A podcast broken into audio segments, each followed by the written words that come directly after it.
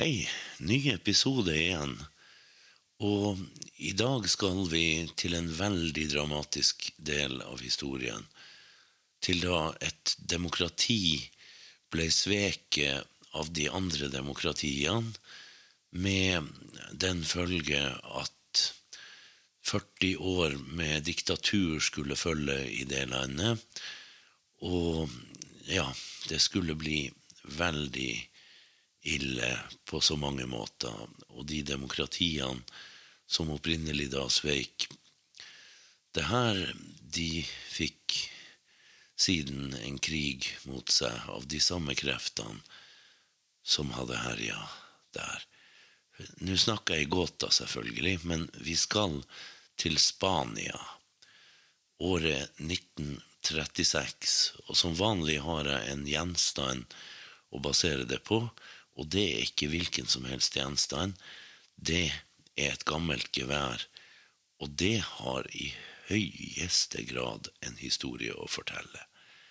Bare heng på, så skal vi starte til Spania, og så se hva som skjedde. No pasaran. Pasaremos. Sett deg godt til rette, så starter vi av gårde.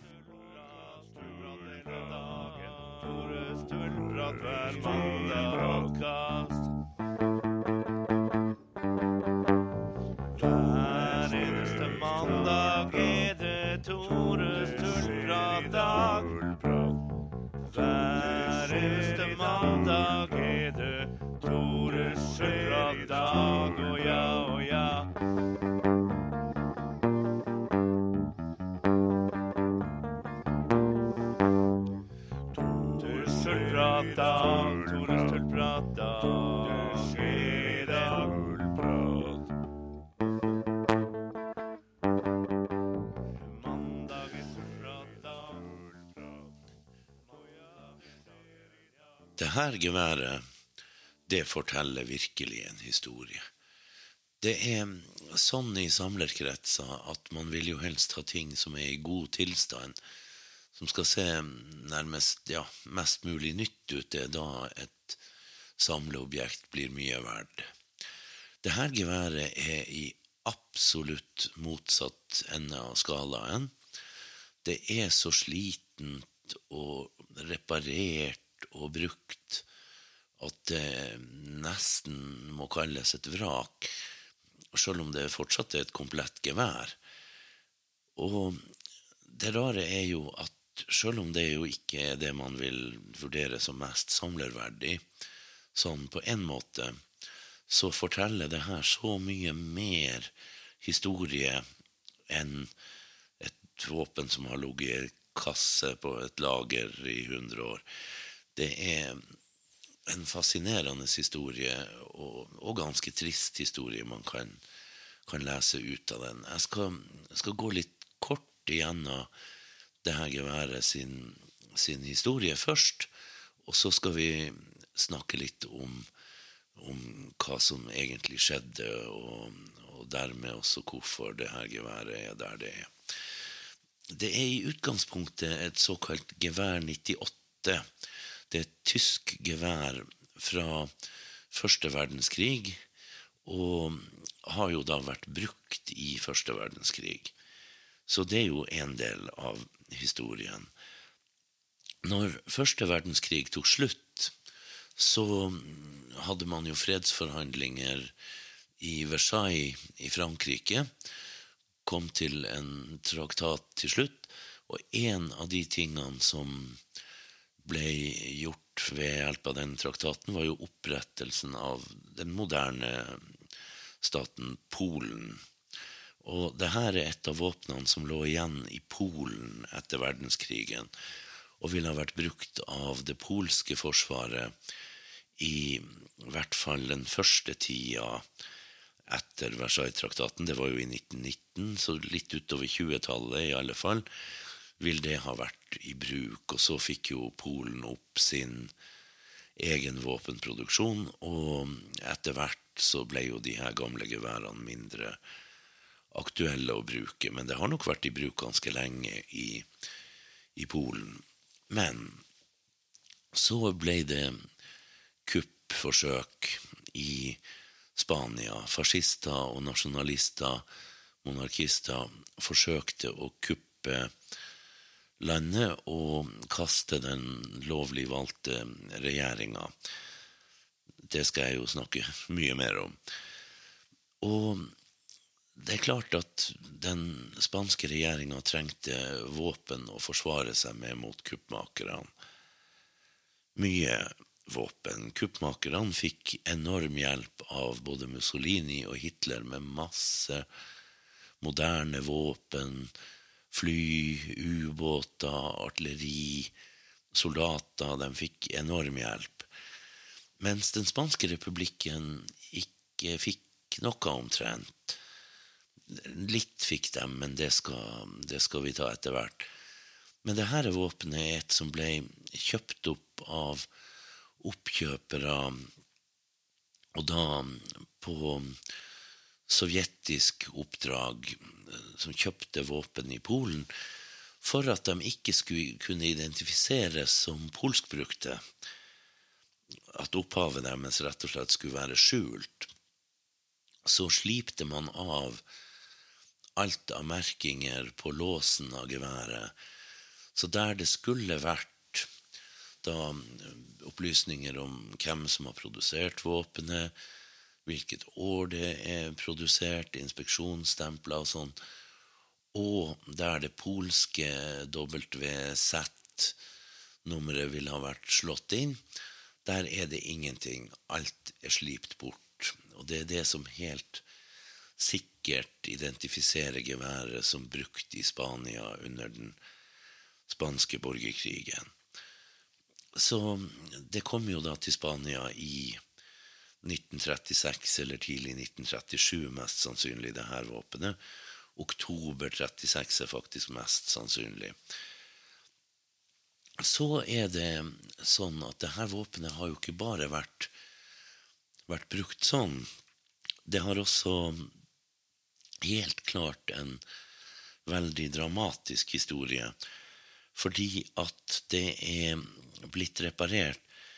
Forstokken er, er borte, altså treverket under løpet er blitt borte, og der er rett og slett limt inn en bit fra et annet Mauser-gevær, og den kommer ifra en, en VZ 24, altså en, en, et tsjekkisk gevær, og den er rett og slett bare spleisa inn sånn at våpenet skal kunne være brukbart igjen etter at stokken har vært skada. Og det er veldig typisk for de spanske våpnene brukt av republikken, fordi at de hadde rett og slett så enormt liten tilgang på, på alt, egentlig. Våpen, ammunisjon, det hele. Så alt som kunne brukes igjen, ble brukt igjen de samla inn ødelagte og ja, ødelagte våpen på slagmarkene, og hver brigade hadde egne våpensmeder som reparerte det som repareres kunne, og satte sammen bitene av ødelagte geværer til, til fungerende geværer igjen, og det har da skjedd med det her. Om den opprinnelige eieren har overlevd, eller om det er tatt fra et dødt menneske, det vet man ikke, men det kan godt være det sistnevnte som har skjedd. At den er sanka inn der den lå ved en fallen soldat. Så det, er, det kan ligge en makaber historie bak her. Og den ble altså da reparert og brukt på nytt. Sendt ut med en ny soldat. Så det her er en sliten, gammel traver.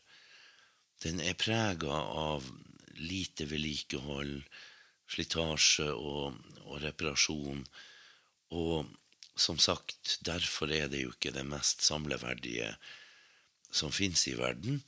Men i mine øyne er den mer verd enn noe som ser helt nytt og ubrukt ut. For det geværet her forteller virkelig en historie. Det forteller historien om en verdenskrig, en mellomkrigstid og om en borgerkrig og om nøden og behovene som man hadde da. Med andre ord, det her lille geværet er en regelrett historiebok for de som kan å lese den. Og det kan jo jeg. Og nå skal dere få høre i hvert fall et grunnriss av historien om den spanske borgerkrigen. Vi skal tilbake til den historien i en rekke episoder, fordi at det her er en konflikt som, som det kan sies så mye om, og det er skrevet tusenvis, over 4000 bøker om det. Jeg har ikke lest alle de, men jeg har lest ganske mange. Og i det hele tatt, det er et tema som er helt umulig å presse fullstendig inn i en halvtimes episode. Men vi skal begynne nå, og så skal vi inn på en del spennende og interessante historier etter hvert i nye episoder. Men vi starter her, og det skal ikke bli kjedelig den her heller. Det skal jeg garantere deg. Tore Stølprat hver mandag. Hver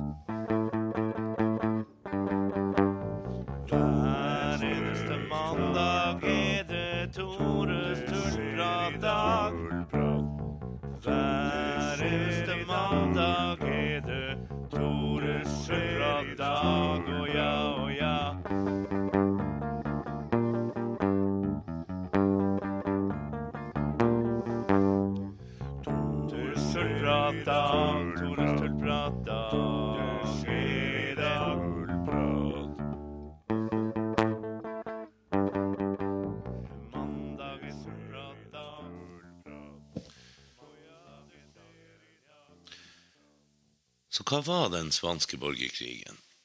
Tja, altså man sier jo den varte fra 17. juli 1936 til 1. april 1939. Og det var mildest talt ingen aprilspøk. Det skulle bli ganske tøffe tak for Spania i 40 år fremover, når den var over. Og ja, den begynte 17. juli med, en, med et, det som var et kuppforsøk av nasjonalister, monarkister, fascister mot den lovlig valgte spanske regjeringa. Men som alle konflikter så har den jo et opphav. Og Spania var jo i, den tida det man vel kan kalle et, et litt sånn tilbakestående samfunn hva gjaldt sosial utvikling og den type ting. Det var stor fattigdom, og de hadde få rettigheter for allmuen. De hadde ei kirke som sto veldig på jordeierne og makthaverne sin side. Det er, for å si det svært mildt. Og det var store sosiale konflikter i Spania. Det var, det var streiker og arbeidskamp, det var brutal undertrykking, det var ja, i det hele tatt i perioder veldig hardt i Spania før borgerkrigen brøt ut. Og ja, i det hele tatt Jeg skal ikke dra hele historien her, men den er, for den er komplisert, og den er, er lang. Men du hadde jo et diktatur frem til, til ja, 1930. Og det var arbeideroppstander bl.a. i Asturias, i gruvene, som ble slått steinhardt ned av en ung general ved navn Franco. Det var i det hele tatt ganske mye mye fælt. Det var en første republikkregjering som så ble valgt bort av konservative krefter, og den nye regjeringa den gjorde jo alt for å reversere alle rettigheter man hadde fått under den første. Så samla den spanske venstresida seg om noe de kalte for Folkefronten. Og for første gang så slutta anarkistene, som var en stor bevegelse i Spania, større der enn mange andre plasser, seg til denne folkefronten og gikk til valg. Anarkistene stemte vanligvis ikke av den enkle grunn at de ikke anerkjenner regjeringsmakt og den type ting, men denne gang gjorde de det for å få bort ei utålelig regjering. Og resultatet var at man fikk valgt en spansk regjering som ikke var kommunistisk, ikke var anarkistisk, ikke var sosialistisk. Det var faktisk liberalere som satt i den regjeringa. Men det, de hadde planer om jordreformer og sånne ting, og det var mer enn nok til at den spanske høyresida gjorde opprør og absolutt ikke ville vite av dem. Vi hadde en del litt tilsvarende rivinger i, i Norge, mye minus da den anarkistiske elementet, men men i Norge så var det jo sånn at sjøl om landet ble igjen og igjen lamma av arbeidskamper, streiker og lockouter og sånt, og hadde veldig høyt konfliktnivå en lang periode, til og med med Menstadslaget, hvor, hvor man skjøt på arbeiderne, så, så var det jo faktisk kloke hoder på begge sider som satte seg ned og kom frem til et, et kompromiss, et klassekompromiss, om man vil, som ble hovedavtalen av 1935, som regulerte det her, der arbeiderbevegelsen anerkjente eiendomsretten og styringsretten mot å få ei hand på rattet i en del ting. Altså, vi fikk et kompromiss som gjorde at det gikk an å fortsette uten at samfunnet falt ned i kaos. Men i Spania var det ikke noe klima for det. Det var, det var ingen som var villig til noen sånne kompromisser. Og de hadde jo et mye høyere innslag av politisk vold i, i Spania enn en det vi hadde. Og man kan jo diskutere til man blir blå hvilken side som starta den politiske volden. Alt spørs bare hvor langt bakover man, man trekker historien. Det var mye politisk vold, og det var fra begge sider. Og det var stygt. Det var ordentlig stygt mange ganger. Og det bidro jo til et klima der, der det på ingen måte ble rom for, for kompromisser. Men det ble altså sånn at det ble valgt ei, ei regjering i republikken Spania. Altså Kongen hadde jo abdisert en stund tidligere, før dannelsen av den første republikanske regjeringa. Dette ble jo da den tredje regjeringa i republikken. Men da gikk altså spansk høyreside til den ytterlighet å begå et kupp. De prøvde å ta over hele Spania men de lyktes jo absolutt ikke. De ble lempa ut av store byer som f.eks. Barcelona Madrid. De ble stoppa til dels av hurtig organiserte arbeidermilitser som sloss imot og jaga dem. Så der de hadde planlagt å ta over hele landet, så endte de med kontroll over bare en tredel av landet. De hadde også et kjempeproblem fordi den spanske marinen hadde de jo regna med. De skulle ta over den, og den skulle frakte hæren fra Marokko, fra koloniene, over, fordi det var jo der de store hærstyrkene som sto på kuppmakernes side, befant seg. Og de skulle man da ferge over til fastlandet, for de var jo helt avgjørende for at de skulle kunne klare å seire. Men det gikk ikke, fordi den, den spanske marinen, offiserene der, prøvde jo å bli med i kuppet og ta over skipene de kommanderte. Men opprør blant mannskapene gjorde rett og slett at de ikke klarte det.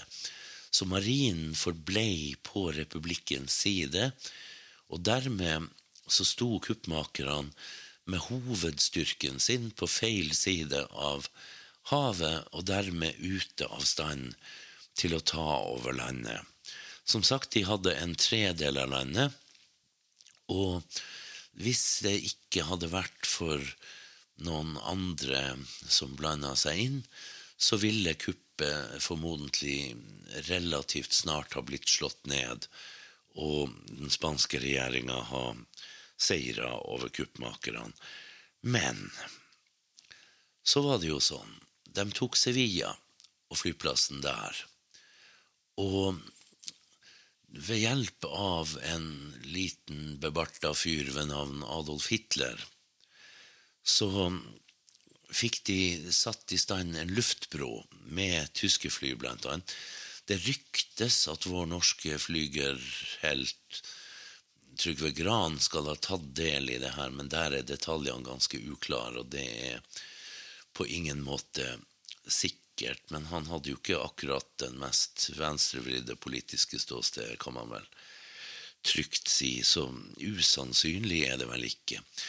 I alle fall så fikk de da rett og slett danna en luftbro hvor kolonisoldatene ble flydd inn, i, inn til Sevilla.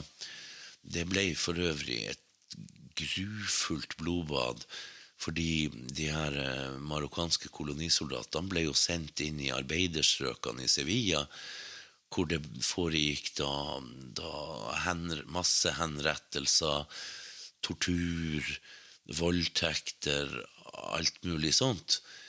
Og ja, bare som en sidegreie, det er jo litt interessant at i datida var det jo var det jo regna som en stor skandale at de satte inn afrikanske soldater mot, mot sin egen spanske befolkning, og det, det var det stor forargelse over. De ble sett på som leiesoldater og sånt.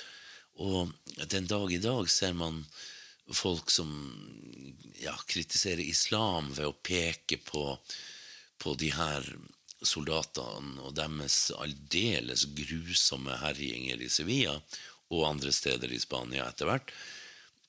Og det er jo ikke tvil om at det de begikk, var aldeles grufullt. Men vi skal huske at de sto under kommando av katolske generaler og det her skjedde ikke på tvers av de katolske generalenes vilje, tvert imot. General Queipo Diano, som i, hadde kommandoen over det området, han beordra jo soldatene ut for å gjøre sånt. Og han satt jo i radioen i Sevilla og skrøyt åpenlyst av hva de gjorde, og det er jo ingen spørsmål om at den høyst katolske general Queipo de Llano ikke bare, ikke bare tolererte at de her overgrepene skjedde. Han beordra de, og han applauderte de, og han skrøt av de direkte på radio mens det skjedde. Så man kan ikke gi en religion skylda for det som skjedde i Sevilla og seinere, det er noe som Ja, det var noe mennesker har valgt å gjøre ut fra en politisk ideologi. Og den ideologien heter fascisme. Det er det ikke noe spørsmål om. Så bare så det er, er sagt, jeg håper vi kan legge den død når det gjelder akkurat det. Så når de fikk soldatene sine over så endra jo maktbalansen seg ganske kraftig, og i kuppmakernes favør. Nå hadde de store styrker stående i Spania. Og det er jo sånn at såkalt, de såkalte nasjonalistene de var jo da en gjeng bestående, en virkelig brokete gjeng bestående av veldig mange forskjellige politiske ytterligheter. Det var da monarkister. Det var også da reketten fra Navarra, som var også en monarkistisk og sterkt konservativ og religiøs bevegelse, men de var monarkister, men, men på en annen måte, for de støtta en annen del av kongehuset som hadde mista makta for lenge, lenge siden. Så de her monarkistene og raketten var jo egentlig dødsfiender, sånn fordi de ikke støtta samme konge. Men like fullt så var de samla i denne nasjonalistparaplyen. Så var det regelrette nasjonalister. Og så var det ikke minst Falange Española, altså rett og slett de spanske fascistene, samt diverse andre konservative, og ikke minst den katolske kirka i Spania, som sto svært støtt på støtta til nasjonalistene, fascistene, monarkistene, raketten og hva de nå ikke het, alle sammen. Så det er en heftig historie, det her. Så det er liksom grunnlaget for det som skjedde, i korte trekk. Krigen varte altså i bortimot tre år, nesten 1000 dager, som noen venner av meg skrev i sin tid. Og ja, i det hele tatt Det var en blodig og heftig konflikt. Det som skulle skje, som er bakgrunnen for det geværet jeg har presentert, er jo at den britiske statsminister Chamberlain sammen med sin franske motpart Blom, som jo for øvrig var sosialdemokrat, og også vår hjemlige utenriksminister Koht, alle var veldig redde for krig med Tyskland. Så de fikk til en internasjonal avtale om ikke-intervensjon. Det vil si at de ville ikke støtte det demokratiske Spania. De hadde en avtale om at ingen skulle støtte noen av partene, og så skulle de rett og slett slåss det ut til en av dem sto igjen på slagmarka. Det var jo for så vidt en eller annen idé om rettferdighet bak det, men rettferdig var det jo egentlig ikke.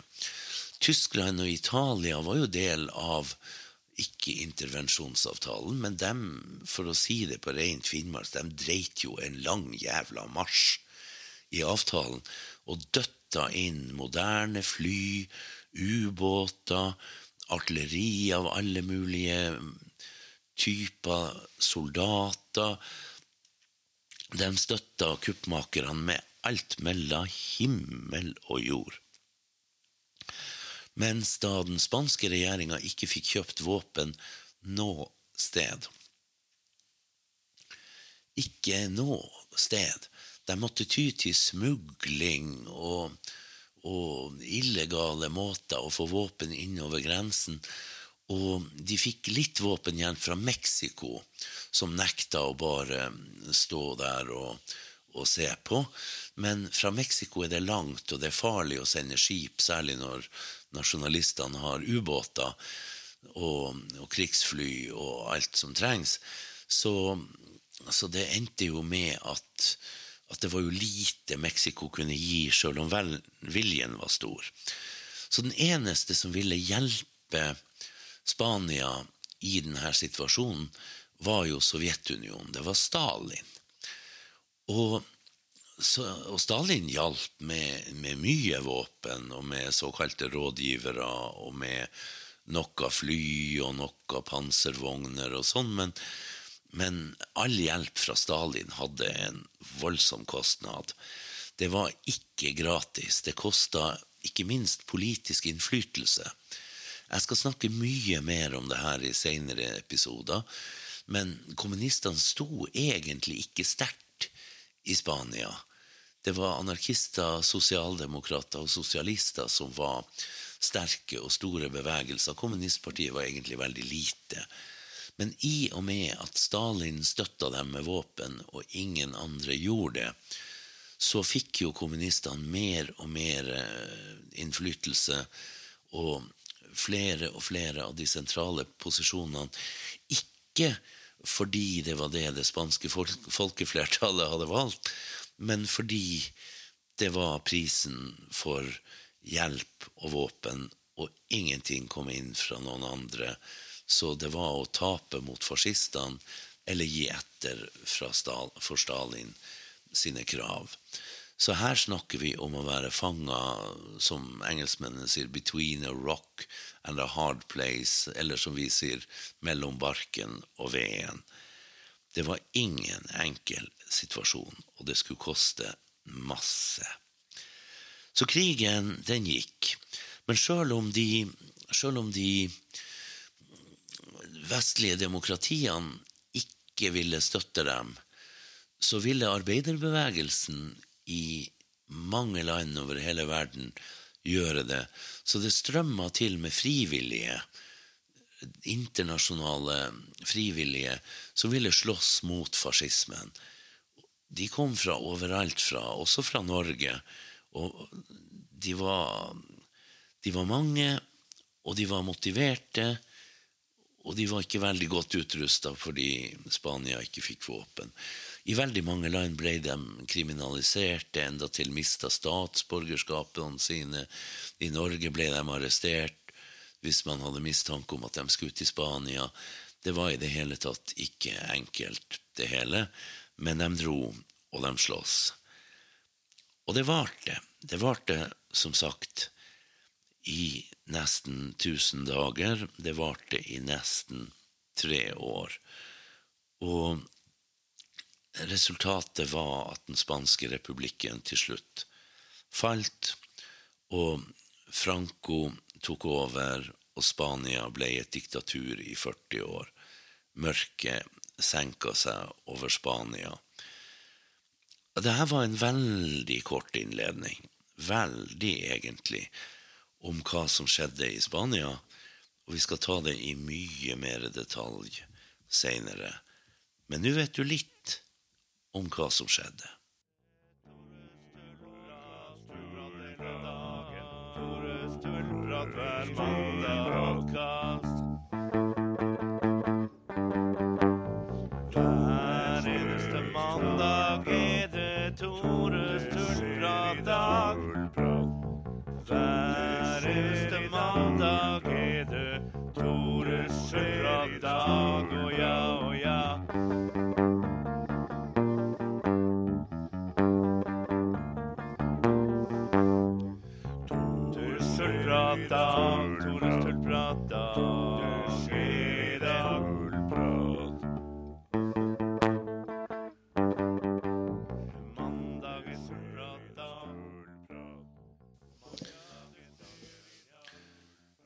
Som sagt, konflikten i Spania er et enormt tema.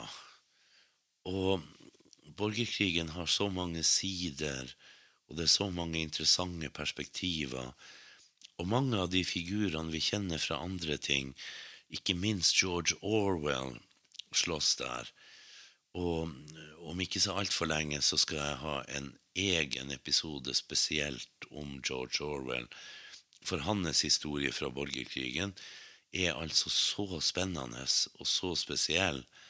Og det er opphavet til at han skrev bøker som Animal Farm og 1984, for han fikk oppleve det totalitære fra begge sider. Han slåss mot det totalitære på den ene sida, samtidig som han opplevde at totalitære krefter bak ryggen hans, i regimet han sloss for, tok over og gjorde ting som gjorde at han til slutt måtte flykte hals over hode for å overleve og ikke bli arrestert, fengsla, henretta.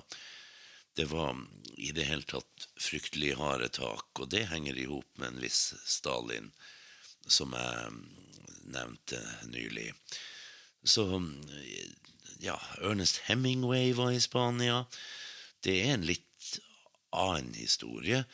Og akkurat som George Orwell skrev hyllest til Catalonia om sine opplevelser i borgerkrigen, så skrev jo Hemingway også om det, ikke bare avisartikler, men han skrev jo også romanen 'Klokkene ringer for deg', som er en uhyre sterk fremstilling fra den spanske borgerkrigen. En, en, ja, en man ikke glemmer, for å si det sånn.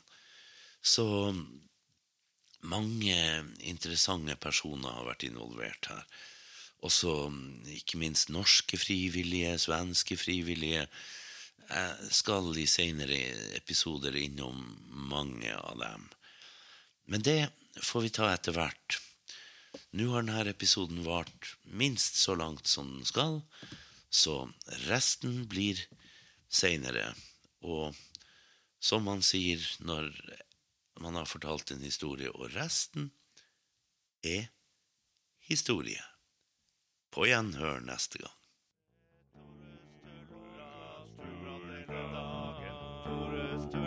Hver mandag-podkast.